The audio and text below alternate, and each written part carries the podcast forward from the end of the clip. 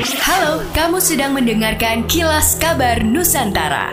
Podcast persembahan KG Radio Network menyajikan berita harian yang mengangkat keunikan dari berbagai wilayah Indonesia.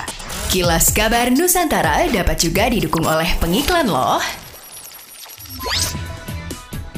Terhitung sejak 22 Juni 2021, Polresta Malang Kota telah menyuntikkan 27.000 dosis vaksin COVID-19 di Kota Malang. Kapolresta Malang Kota AKBP Budi Hermanto mengungkapkan saat ini pemerintah Kota Malang memiliki stok vaksin sekitar 130.000 dosis. Pihaknya akan bekerja sama dengan Kodim 0833 Kota Malang guna menggelar serbuan vaksinasi agar tepat sasaran seperti para lansia serta para pelajar SMA dan SMK. Vaksinasi pelajar SMA dan SMK diutamakan karena sebagian pelajar telah mengikuti pembelajaran tatap muka. Pihaknya juga terus melaksanakan serbuan vaksinasi door to door. Polresta Malang Kota masih menunggu pendataan dari Babin Kaptipmas. Apabila ada warga yang membutuhkan vaksinasi, pihaknya akan mendatangi warga tersebut. Pria yang akrab disapa Buher tersebut mengungkapkan vaksinasi door to door dapat dilakukan setiap waktu, antara sore hari maupun malam hari.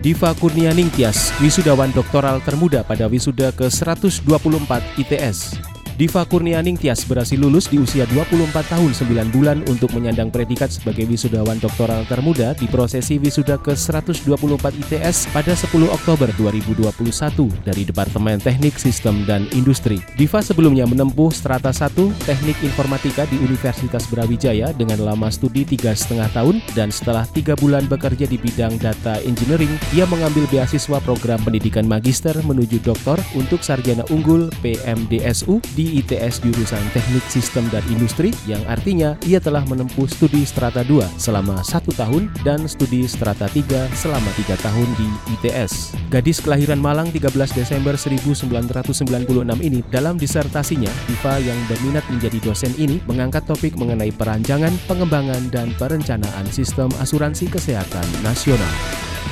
DPRD Kalimantan Selatan memperjuangkan tambahan kuota vaksin ke pemerintah pusat dengan melakukan audiensi ke Kementerian Kesehatan RI di Jakarta. Ketua Komisi 4 DPRD Kalimantan Selatan Muhammad Lutfi Saifuddin mengungkapkan, tambahan kuota vaksin mendesak dilakukan untuk memaksimalkan capaian vaksinasi pencegahan COVID-19. Apalagi berdasarkan data saat ini yang sudah mendapatkan vaksin, baru 1,3 juta orang dari total target penerima vaksin di provinsi ini yang mencapai 3,5 juta orang. Ia menuturkan idealnya suplai vaksin diberikan minimal 80% dari total target, atau setidaknya di kisaran 2,5 hingga 3 juta dosis.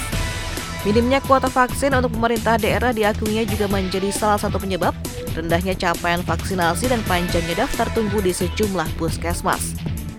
Lebih lanjut, Lutfi menambahkan, percepatan vaksinasi yang didukung tambahan kuota untuk Kalimantan Selatan juga untuk menurunkan level PPKM di kota Banjarmasin dan Banjarbaru.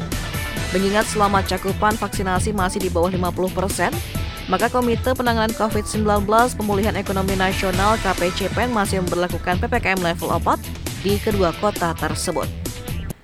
Demikianlah kilas kabar Nusantara malam ini.